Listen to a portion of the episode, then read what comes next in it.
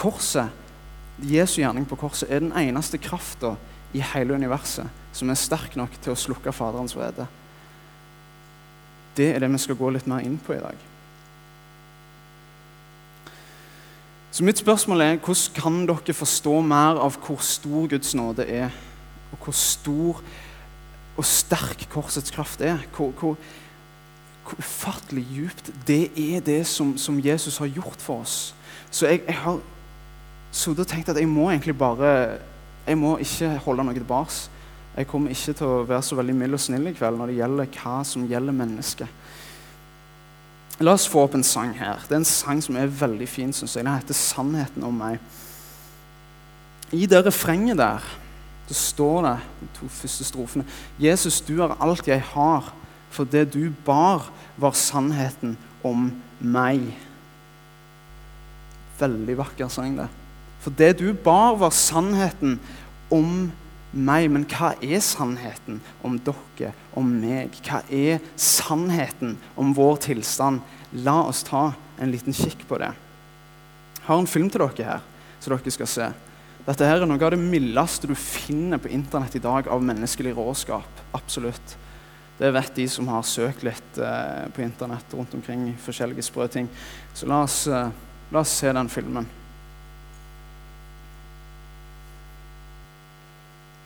Kan bare stoppe den. Dere fikk med dere hva som skjedde? Ganske brutalt. Kansas City Police la den ut på YouTube fordi de lette etter han som slo til bussjåføren. Helt uprovosert. Bare for moro skyld. Han eh, besvimte kort tid etter at videoklippet ble avslutta, og havna på sykehuset og har alvorlige problemer med å komme seg tilbake i jobben. Ingen som har vanskelig med å forstå hvorfor, vil jeg tro. Eller hva med denne her? Ta fram artikkelen fra Dagbladet. Enda mer brutalt. Jonny André Risvik ble torturert i et par uker fram til han døde av lidelsene, skadene som folk pådro han. Det var hans nærmeste venner, de han bodde sammen med, som gjorde det. Og La meg lese litt, et sitat fra artikkelen. Risvik, Risvik fikk som følge av handlingene flere brannsår og sårdannelser over hele kroppen, skuddskader, bl.a. i hodet, flere ribbeinsbrudd, brudd i nesebein og kinnbein. Handlingene skjedde under særdeles skjerpende omstendigheter idet de ble begått av flere i fellesskap mot forsvarsløs person, var uprovosert og hadde karakter av mishandling, heter det i statsadvokatens tiltalebeslutning. Wow, det er brutalt. Så i ca. to-tre uker så fôra de han faktisk med hva var det det var, grønnsåpe. Han fikk ikke vann engang. De tvang i han all slags drit. De brente sigaretter på han. Det var folk han bodde, delte hybel med. Noen som kan forstå det? Det er ganske sykt. Spørsmålet mitt er hvordan stiller dere dere til det som jeg viste dere nå i den snutten, eller til den artikkelen her? Det er veldig fort gjort å tenke at det der, der det kunne jeg aldri ha gjort ever. For det, det holder jeg meg for god til. Jeg er for god til å gjøre noe sånt. Men problemet det skal dere få høre. hva som er problemet med å si noe sånt. Så mitt spørsmål er da, Hvordan forholder dere dere til mennesker som Anders Behring Breivik? Skjøt ungdommer på Utøya som om de var kyllinger som sprang rundt på en hønsegård. Brutalt slakta de ned. Attpåtil fyrte av ei bombe i regjeringskvartalet før han dro og gjorde det. Eller hva med Runar Øygard? Ap-politikeren uh, i Vinstra som nå er tiltalt, eller jeg vet ikke hvordan det gikk med rettssaken i dag, men det var vel siste dag i går, tror jeg. Eller i dag, eller noe sånt. Står tiltalt for uh, seksuell trakassering mot ei 16 år gammel jente. Drevet henne til å gjøre ting som hun aldri ville. Eller hva med folk generelt, svindlere, drapsmenn? Du vet, jeg, jeg, kan nevne Menneskehistorien er full av eksempler på brutalitet som det ikke fins maken til. Jeg har nevnt noen få ting her det er noen få prosentdeler av brutaliteten i menneskets historie. Og du vet, Kunne jeg aldri gjort de tingene som de gjorde? Kunne jeg aldri vært med på det og torturert han Risviken til døde på den brutale måten der? Jo, det kunne jeg. Det har jeg potensial i meg til å gjøre. Det har dere òg. La meg lese noe fra Matteus 15, 19. Og Jesus sier det ganske, ganske krast. For fra hjertet kommer onde tanker, mord, ekteskapsbrudd, hor, tyveri, falskt vitnesbyrd og spott. Jesus drar det så langt at han sier at den som hater sin bror, er skyldig i mord. Og den som ser på ei kvinne og begjærer etter henne i sitt hjerte, har begått ekteskapsbrudd med henne i Guds øyne. Det er ganske krast. De tingene som vi så nå, det kan vi alle gjøre. Og vi har alle potensialet i oss til å gjøre de tingene.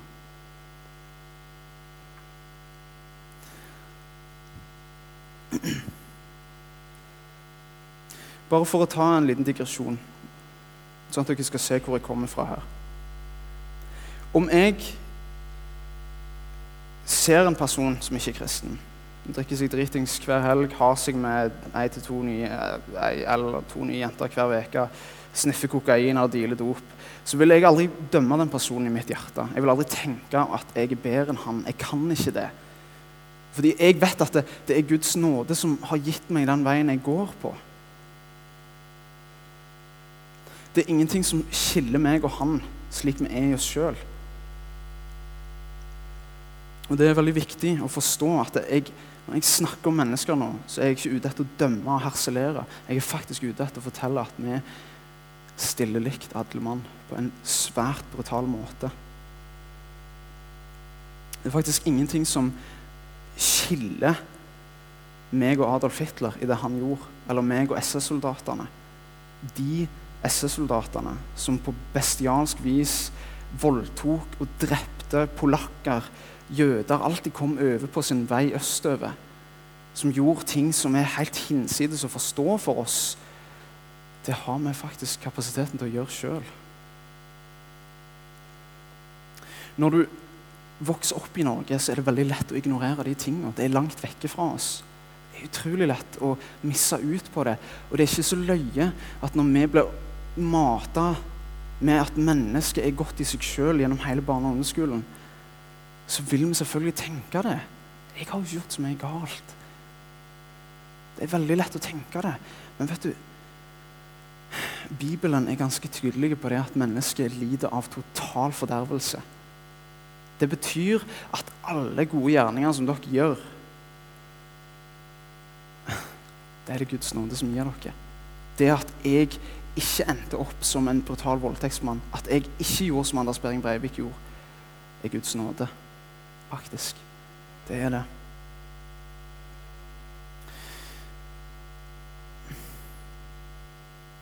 Det som er interessant, er at helvete er fullt av folk som ikke har gjort verre ting enn oss. Skjønner dere alvoret i det? At helvete er fullt av folk som har gjort mindre verre ting enn meg.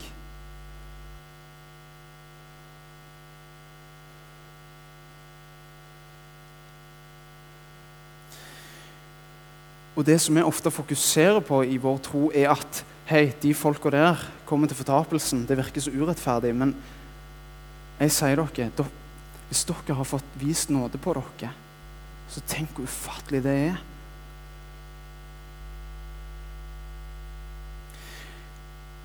Når vi snakker om, om, menneskets tilstand, sånn som jeg har gjort nå og jeg sa det for dere, det, Vi blir malt et bilde av at mennesket er godt i seg sjøl, og realiteten er dessverre en helt annen. Så er det veldig vanskelig for oss å gripe fatt i hva det vil si en stor del av problemet til at mange av dere føler at dere sliter med engasjement eller sliter i kristenlivet, det har veldig mye å si på hvordan dere oppfatter dere sjøl i forhold til Gud. Hvordan dere oppfatter dere sjøl i forhold til Guds nåde. Hvordan dere oppfatter dere sjøl i forhold til hva Jesus har gjort for dere. Lunkenhet blant kristne kommer veldig mye av at de faktisk ikke forstår evangeliet eller dybden i det.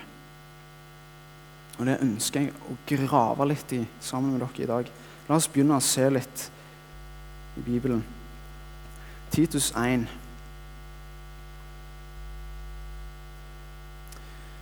Jeg skal lese Titus Paulus brev til Titus, kapittel 1, vers 1-3. Paulus, Guds tjener og Jesu Kristi apostel, utsendt for å føre Guds utvalgte til tro og til erkjennelse av den sannhet som gir Guds frykt. Wow. Hørte dere det? Den sannhet som gir Guds frykt. Bare en liten digresjon. Jeg har hørt mange taler om Guds frykt. Eh, og det er mange som har nevnt det der at vi kristne trenger ikke å frykte Gud. Fordi nå er vi jo frelst. Men realiteten er faktisk at det, det fins en god gudsfrykt, og det fins en dårlig gudsfrykt. Den dårlige gudsfrykten vil lede deg vekk fra Gud, og den gode vil lede deg til Gud. Og når Paulus skriver at eh, tro og til erkjennelse av den sannhet som gir gudsfrykt, at den sannhet, evangeliet, gir gudsfrykt, så er det faktisk noe viktig med det. Med gudsfrykt. Det det er ikke en liten filleting. Det har faktisk en essensiell del i kristenlivet å gjøre. Altså Det er en essensiell del av kristenlivet. Og Så sier han videre håp om evig liv. Dette livet har Gud, som ikke kan lyve, gitt løfte om fra evighet av. Og Da tiden var inne, åpenbarte Han sitt ord i det budskapet som er betrodd meg etter befaling fra Gud, vår frelser. Så fortsetter vi i Titus 2. 11-14. Heng med her. Der blir en del, god del bibelvers her. Titus 2, 11-14. For Guds nåde er blitt åpenbart til frelse for alle mennesker. Den oppdrar oss til å si nei til et ugudelig liv og verdslige lyster, og leve forstandig, rettskaffent og gudfryktig i den verden som nå er, mens vi venter på vårt salige håp, vår store Gud og Frelser, Kristus Jesus, skal komme i herlighet. For Kristus ga seg selv for oss for å løse oss ut fra all urett og rense oss, så vi kan være hans eget folk, som med iver gjør gode gjerninger. Som med iver gjør gode gjerninger. Hvorfor har vi iver til å gjøre gode gjerninger, da?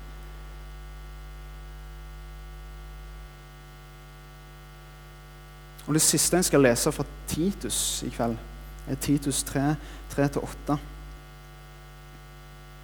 For vi var selv en gang uforstandige og ulydige. Vi for vill og var slaver av all slags begjær og lyster.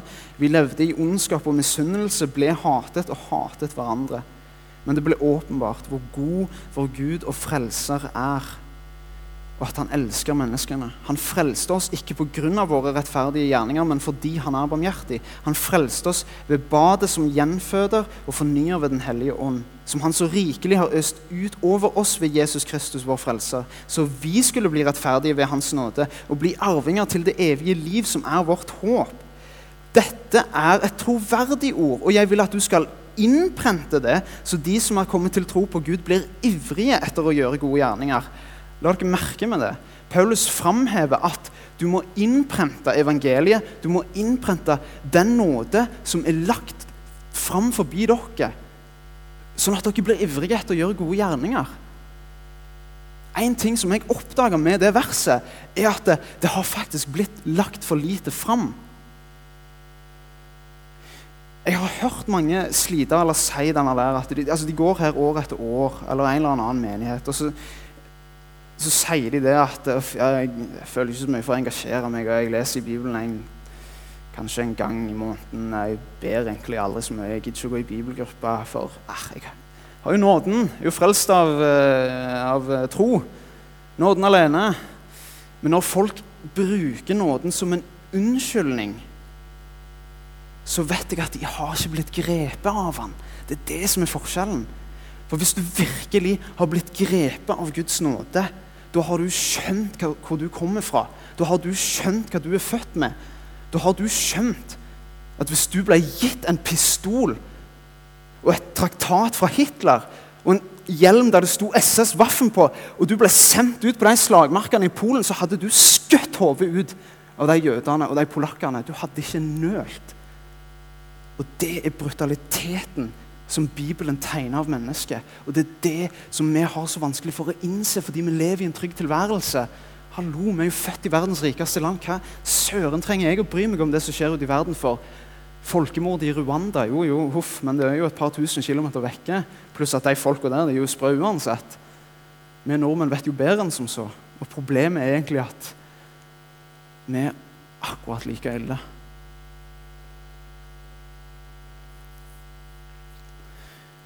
La oss gå til romerbrevet.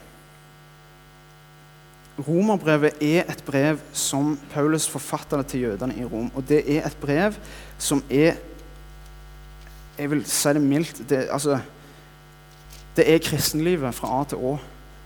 Hvis jeg ikke har lest romerbrevet, har dere virkelig gått glipp av noe. For det er et brev som forklarer så mye av de ting som vi kanskje ikke alltid forstår i kristenlivet. De ting som vi sliter med. Og La oss se litt på hva, hva bildet som Paulus lager av mennesker i romerbrevet. Det er faktisk, er faktisk ganske heftig. Romerne 1, 16-17. For jeg skammer meg ikke over evangeliet. Det er en Guds kraft til frelse for hver den som tror. Jøde først, så greker. For i det åpenbares Guds rettferdighet av tro til tro, slik det står skrevet. Den rettferdige skal leve ved tro. Det blir stadfesta. Guds nåde kommer av tro.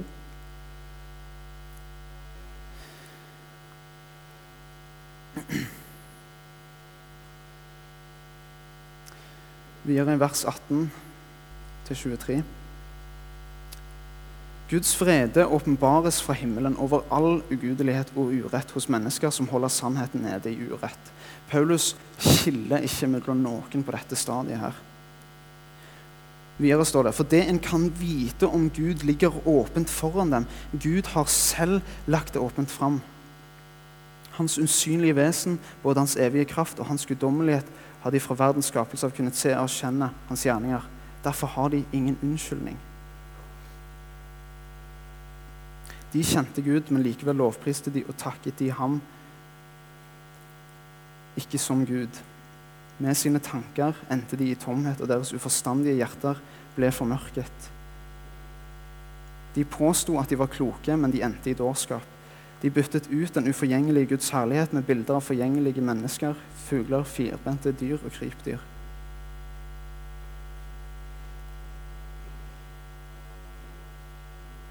Paulus beskriver hele verdens tilstand fra ende til annen. Og det er det han åpner romerbrevet med. Guds dom over hedenskapen. Så, det, det, er så utrolig paradoksalt å lese liksom, på, på hva, hvordan Paulus begynner med å forkynne evangeliet, og hvordan det blir i dag. I dag så er det så vidt noen tør å faktisk si hvordan det er. Det er en enorm forskjell på veldig mye forkynnelse i dag i den vestlige verden. Vi skal liksom tilpasse det så mye. Vi skal ikke støte folk. Det er jo livsfarlig. Vi kan jo bli kristne av det. Kapittel 2 i Romerbrevet, vers 1-11. Der fremhever gjennom hele kapittel 2 fremhever Paulus at menneskene har et ansvar ovenfor Gud. Derfor har du ingen unnskyldning, du menneske som dømmer hvem du enn er. For når du dømmer en annen, fordømmer du deg selv. Du som dømmer, gjør jo det samme selv, og vi vet at Guds dom med rette rammer den som driver med slikt. Men når du menneske dømmer dem som gjør slikt, og selv gjør det samme, mener du da at du skal slippe unna Guds dom? Eller forakter du hans uendelig store godhet, overbærenhet og tålmodighet? Skjønner du ikke at Guds godhet driver deg til omvendelse? Med ditt harde hjerte, som ikke vil vende om, roper du opp vrede over deg til vredens dag, når Gud åpenbarer sin rettferdige dom. Han skal lønne hver og en etter det han har gjort. De som tålmodig gjør det gode og søker herlighet, ære og uforgjengelighet, får evig liv.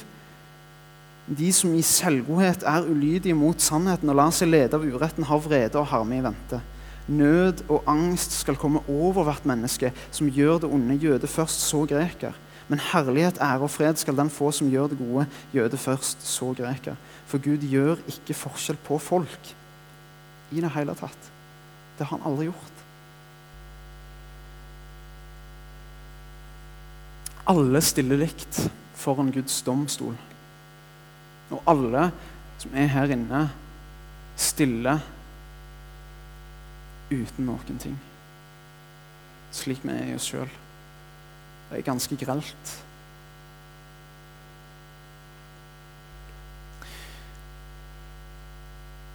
Hvorfor prøver Paulus å male et sånt bilde av oss mennesker, tror dere? Han er jo ganske direkte. Og Det er vel det som er poenget. Å være direkte er egentlig den eneste formen for medisin som fungerer hvis du skal vise folk hva som er virkeligheten.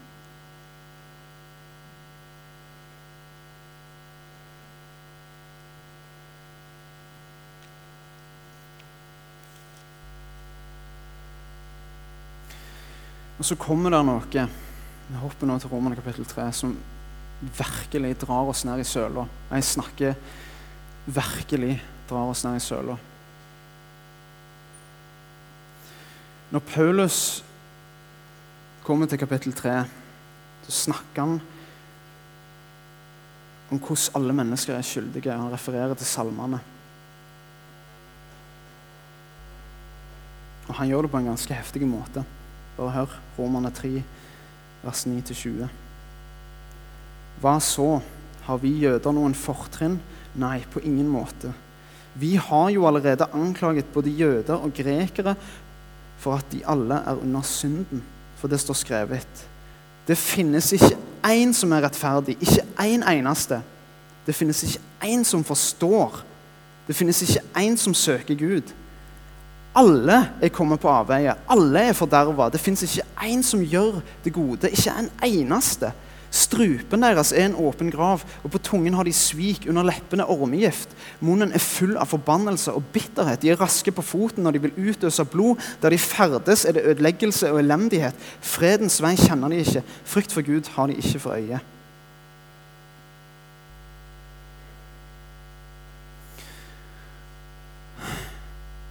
Det finnes ikke én som er rettferdig, ingen av dere. Det finnes ikke én som forstår, det finnes ikke én som søker Gud. Alle er kommet på avveier, alle er forderva. Det finnes ikke én som gjør det gode, ikke en eneste.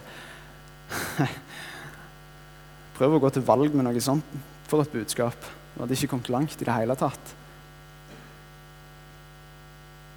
Når dere leser disse ordene, her, skjønner dere hvorfor bibelsk kristendom er veldig upopulært blant eh, mennesker. Det er ikke så vanskelig å forstå. De ordene som Paulus framhever her, det er jo den verste salgsmetodikken som fins for hele kristendommen. Så hva i all verden er det som gjør at kristendommen sprer seg så sinnssykt? Eller i hvert fall gjorde det?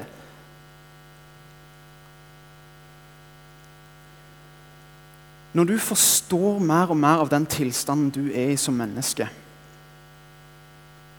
når du ser deg sjøl i speilet, og når du virkelig jeg mener virkelig ser deg sjøl i speilet sånn som du er i deg sjøl, da håper jeg du blir knust av det. Vet ikke, jeg håper det. Hvis dere føler dere isolert og alene i deres synder og misgjerninger, så håper jeg det virkelig går innover dere. Fordi at det, det som er realiteten, er at den eneste måten at dere virkelig innser hvor stort Guds evangelium er, det er når dere ser innover dere sjøl.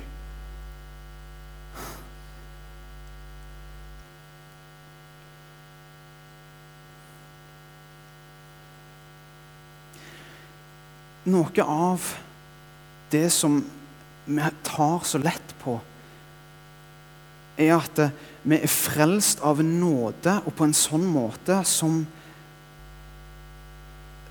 jeg, jeg kan virkelig ikke fatte det sjøl ennå. Gud skaper verden. Han gjorde det på seks dager, og på den sjuende dagen så hvilte han. Og når Gud skaper verden, så kommanderer han alt med sitt ord. Så alle molekylene adlyder han. Når Gud sier 'la det bli lys', så gjør materien sånn at det blir lys. Alt adlyder han. Når han sier at vannet skal skille seg fra himmelhvelvingen, så skjer det basert på hans ord. Alt adlyder han. Så skaper han mennesket. Så sier han 'kom her', og så sier vi 'stikk av'. Det er ganske utrolig. Så en evig allmektig Gud bestemmer seg for å skape menneskene. Og i all godhet skaper han det, i en fullkommen hage. Og det vi gjør er å virkelig vise han fingeren. Vi bryr oss ikke. Vi vil ikke vite av ham.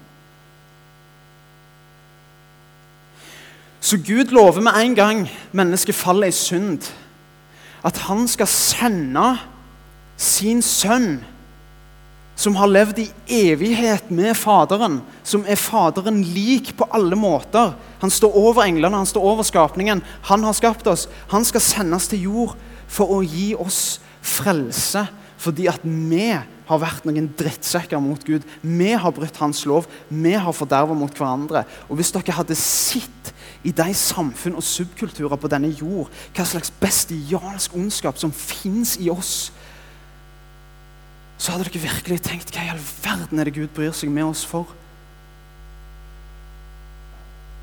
Men han gjør det. Og det er det jeg prøver å nå ut til dere med. For når Jesus kommer, så fødes han av ei jomfru. Han fødes i Davids by Betlehem. Han er Guds sønn. Han vokser opp til et liv der han skal leve fullkomment etter loven. Så Jesus oppfyller loven fullkomment. Han gjør alt riktig i sitt liv. Jesus oppfyller profetene fullkomment. Jesus lever fullkomment. Han elsker Faderen fullkomment. Han elsker sine medmennesker fullkomment. Det fins ikke synd i han.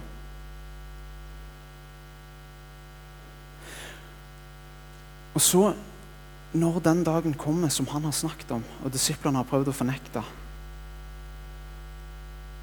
så blir han tatt til fange. Judas forråder han, og han tas til fange. Men før han tas til fange, så skjer det en ting. Etter de har hatt påskemåltidet, så går de ut i Getsemane, Jesus og disiplene. Og I Getsemane så holder Jesus på å dø av angst der og da. Jeg vet ikke om dere har hatt angst eller panikkangst. Jeg vet det er mange mennesker som sliter med det. Jeg kan innrømme det.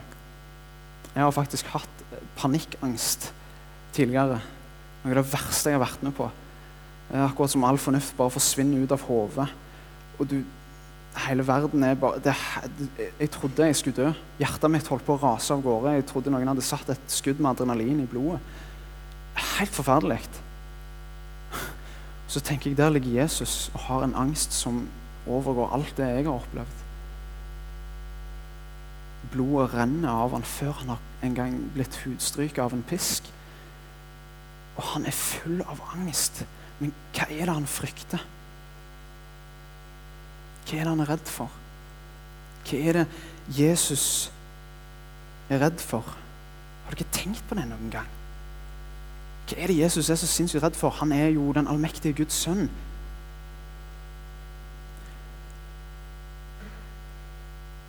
Hadde det vært meg som skulle blitt henrettet på den måten der. Jeg hadde vært livredd alt mulig. Jeg hadde vært livredd når folk skulle se på, når jeg skulle bli piska, når jeg skulle blitt hengt opp på korset og bare kjent hvordan lungene mine kollapser sakte, men sikkert mens jeg kveler altså, mens jeg blir kvelt av min egen kroppsvekt. Jeg hadde, jeg hadde, jeg hadde ikke visst hva jeg skulle gjøre av meg. Bare se for deg det at du er på vei til å bli henrettet på et kors. Folk står rundt deg og skriker og hyler. Og har nesten litt skadefryd nesten de, Der er skadefryd. Men det er ikke det Jesus er redd for når han sitter i Getsemane. Jesus ber til far i himmelen. Og han ber far om mulig, så la denne kalk gå meg forbi. Men ikke som jeg vil, men som du vil. Og hva er denne kalken? Den kalken er beskrevet i Gamle Testamentet som kalken av Guds vrede.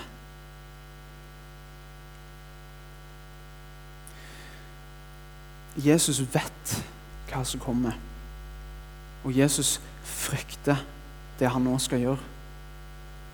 Fordi når han havner på det korset, så er det ikke naglene som holder han fast. Det er hans vilje. Det er han som vil det. Når han kommer på det korset, så er det heller ikke det han har frykta. Å henge på noen nagler som er gjennombora. Det er ikke det å bli kvalt av sin egen kroppsvekt han har frykta. Ei heller når han ble piska og hudfletta så blodet rant. Alt for oss. Det kommer noe enda verre. Det han frykta, er Faderens vrede. Og det er den kalken som Jesus drikker på korset. Og når han gjør det, så slukker han en vrede som har vært rettmessig mot oss og våre synder og våre overtredelser.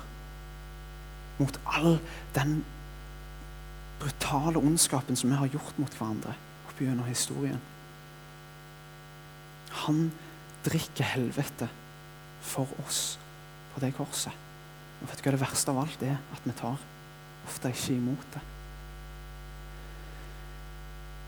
Det var derfor han holdt på å dø av angst i Getsemane. Fordi han skulle drikke en vrede som er hinsides all forstand. Det er derfor helvete er helvete. Ikke fordi Gud er fraværende. Det er halve sannheten. Helvete er helvete fordi Gud er til stede med sin vrede der. Det er ikke lenger noe nåde. Det er ikke lenger noe blod som dekker dere eller meg.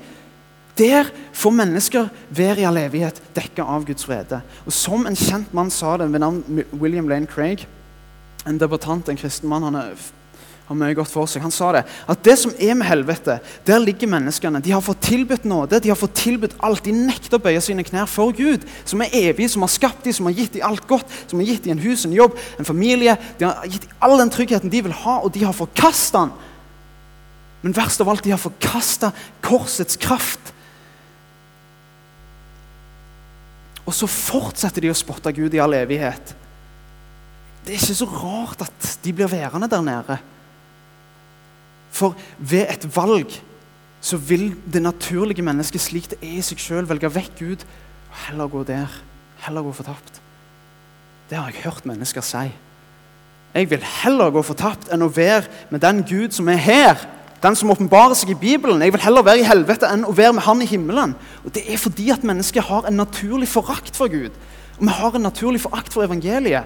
Og vi har en naturlig forakt for å samles her. Så det er ikke så løye at vi sliter. Og det bringer meg videre til Romerne kapittel 7. Og Paulus eh, drar dette fram hvor utrolig tøft det er å være en kristen. Ikke bare midt iblant en verden som hater evangeliet fordi at det er til anstøt for alle, men fordi at det er en kamp i oss sjøl. La oss hoppe til Romerne 7. Vers 14 21.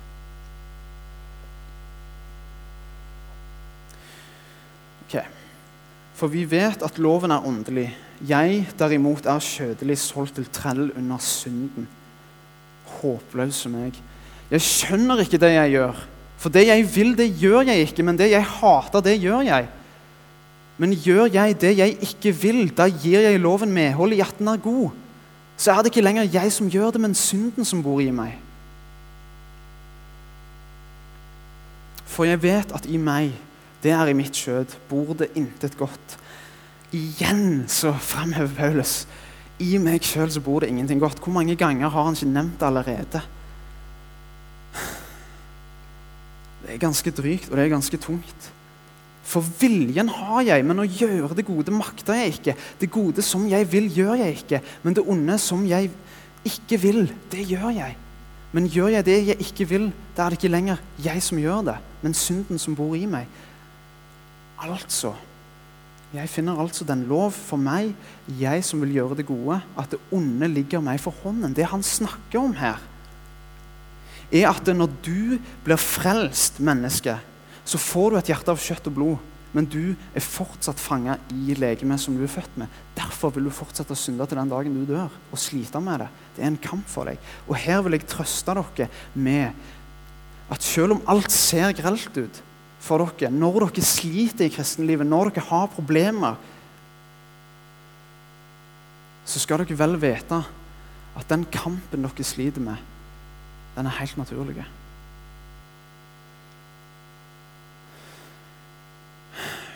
Vi klarer ingenting. Er dere klar over det? Vi klarer ikke engang å bli fornuftige nok til å forstå dybden i evangeliet uten at Gud drar oss først. Vi klarer ikke å vokse i troa av oss sjøl. Vi klarer ikke å holde fast på Jesus engang med oss sjøl. Vi er fullstendig avhengige av Gud i absolutt alt som skjer i livet.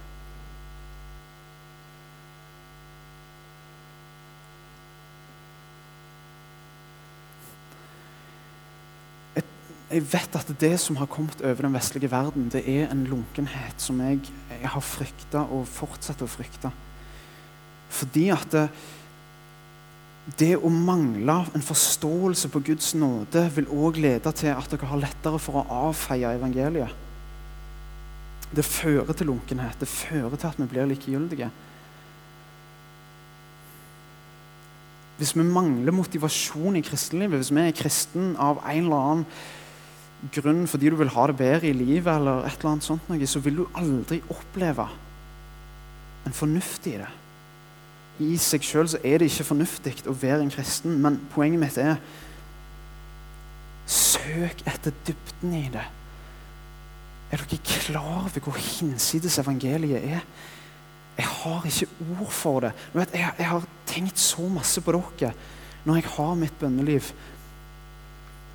Jeg kan ikke forklare hvor dypt det er for dere. Fordi at det som skjer på korset, er en, en gjerning som er helt ufattelig. Den er ikke meg verdig. Nei, beklager. Og det som skjer, er at det, Gud utøser sin sønns blod for at patetiske meg skal bli frelst. Og så blir vi ikke rørt av det engang. Og det er egentlig helt tragisk. Fordi jeg vet at så mange mennesker går fortapt fordi at ingen, ingen har forklart dem den ufattelige dybden og nåden som Gud har for dem.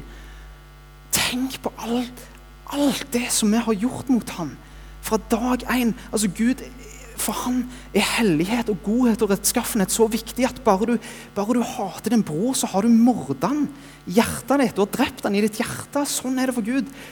Så hellig er han.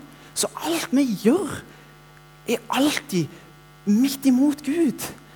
Og til tross for det så har han en nåde for oss som jeg bare Tenk på det.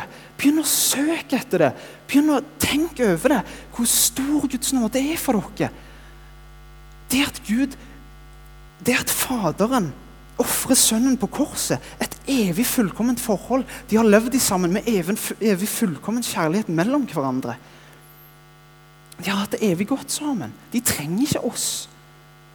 Allikevel så slakter Faderen Sønnen på korset.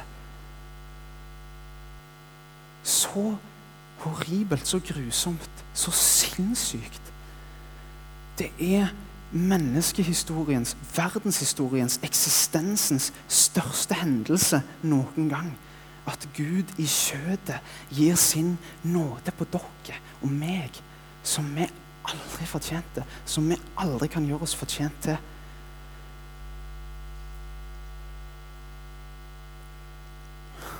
Håpløse oss mennesker. Vi lever på Guds nåde alene hver eneste dag. Jeg vil at dere skal ta dette med dere når dere går hjem i dag. Så vil jeg at dere skal tenke seriøst på dette her, og be. Be til Gud. Kjære Gud åpne opp mine øyne, så jeg får se hvor stor og rik din nåde er på mitt liv. Så jeg begynner å forstå dybden av det, sånn at jeg skjønner og kan bli ivrig i tjenesten min for deg. For hvis dere lever på den der, der Jeg har jo nåde, og det er jo tros og frelse. Så kan jeg med en gang si at da, da er jeg stygt redd for at dere ikke har skjønt det. Virkelig. Jesu gjerning, hans død og oppstandelse, den kraften som er i det, skal dere aldri ta lett på. Ellers risikerer dere å ende opp som de som kommer til han på siste dagen og sier Herre, Herre, har vi ikke profetert i ditt navn, gjort store, mektige gjerninger i ditt navn? Og Jesus avviser de og sier bort med dere. Jeg kjente dere aldri. Lovbrytere kaller han de for. Hvorfor? Fordi at de, de gjorde alt mulig i Jesu navn. Men de kom aldri til han med omvendelse. Kristenlivet er et liv i omvendelse. Du bøyer dine knær for Gud fordi at du får tilgivelse. Du bøyer dine knær for Gud og ber om tilgivelse. Og det er noe som ikke skjer én gang, men det er suksessivt. Det fortsetter inn i kristenlivet. Den omvendelsen vi skal leve i. Jeg beklager hvis dette framstår så rotete. Jeg, har sittet og sett dette for meg i flere uker, dette temaet her. Fordi at det betyr så ufattelig mye for meg hva dere tror, hva dere vil, hva dere gjør i livet. Hva dere gjør med korset. Dere aner ikke hvor mye det betyr for meg. Om dere blir syke, om dere blir fattige, om dere mister huset, det er tragisk. Men vet du hva? Det er ingenting som er viktigere for meg enn at dere har blitt slått sønder og sammen av Guds nåde, knust i en million beter, og blitt såra for deres egne overtredelser mot han, når dere faktisk skjønner at det er ikke enkeltsyndene dere har gjort, men det er det enorme potensialet, enorme bespottelsen av Gud vi har hatt boende i oss fra vi ble født, som vi er tilgitt for. Det er helt sykt. La oss til slutt be.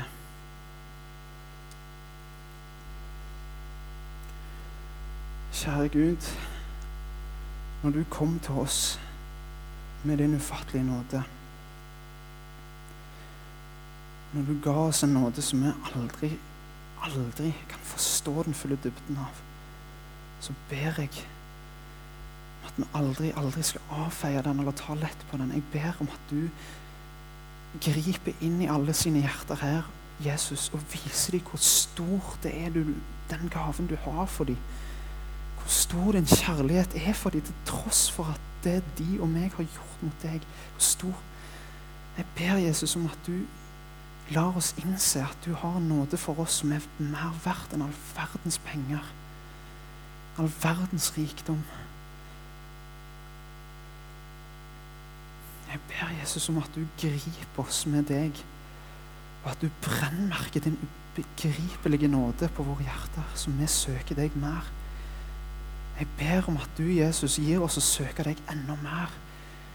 Ditt store frelsesverk, din store nåde, Jesus. Jeg ber om at vi bare søker deg mer og kommer deg nærmere.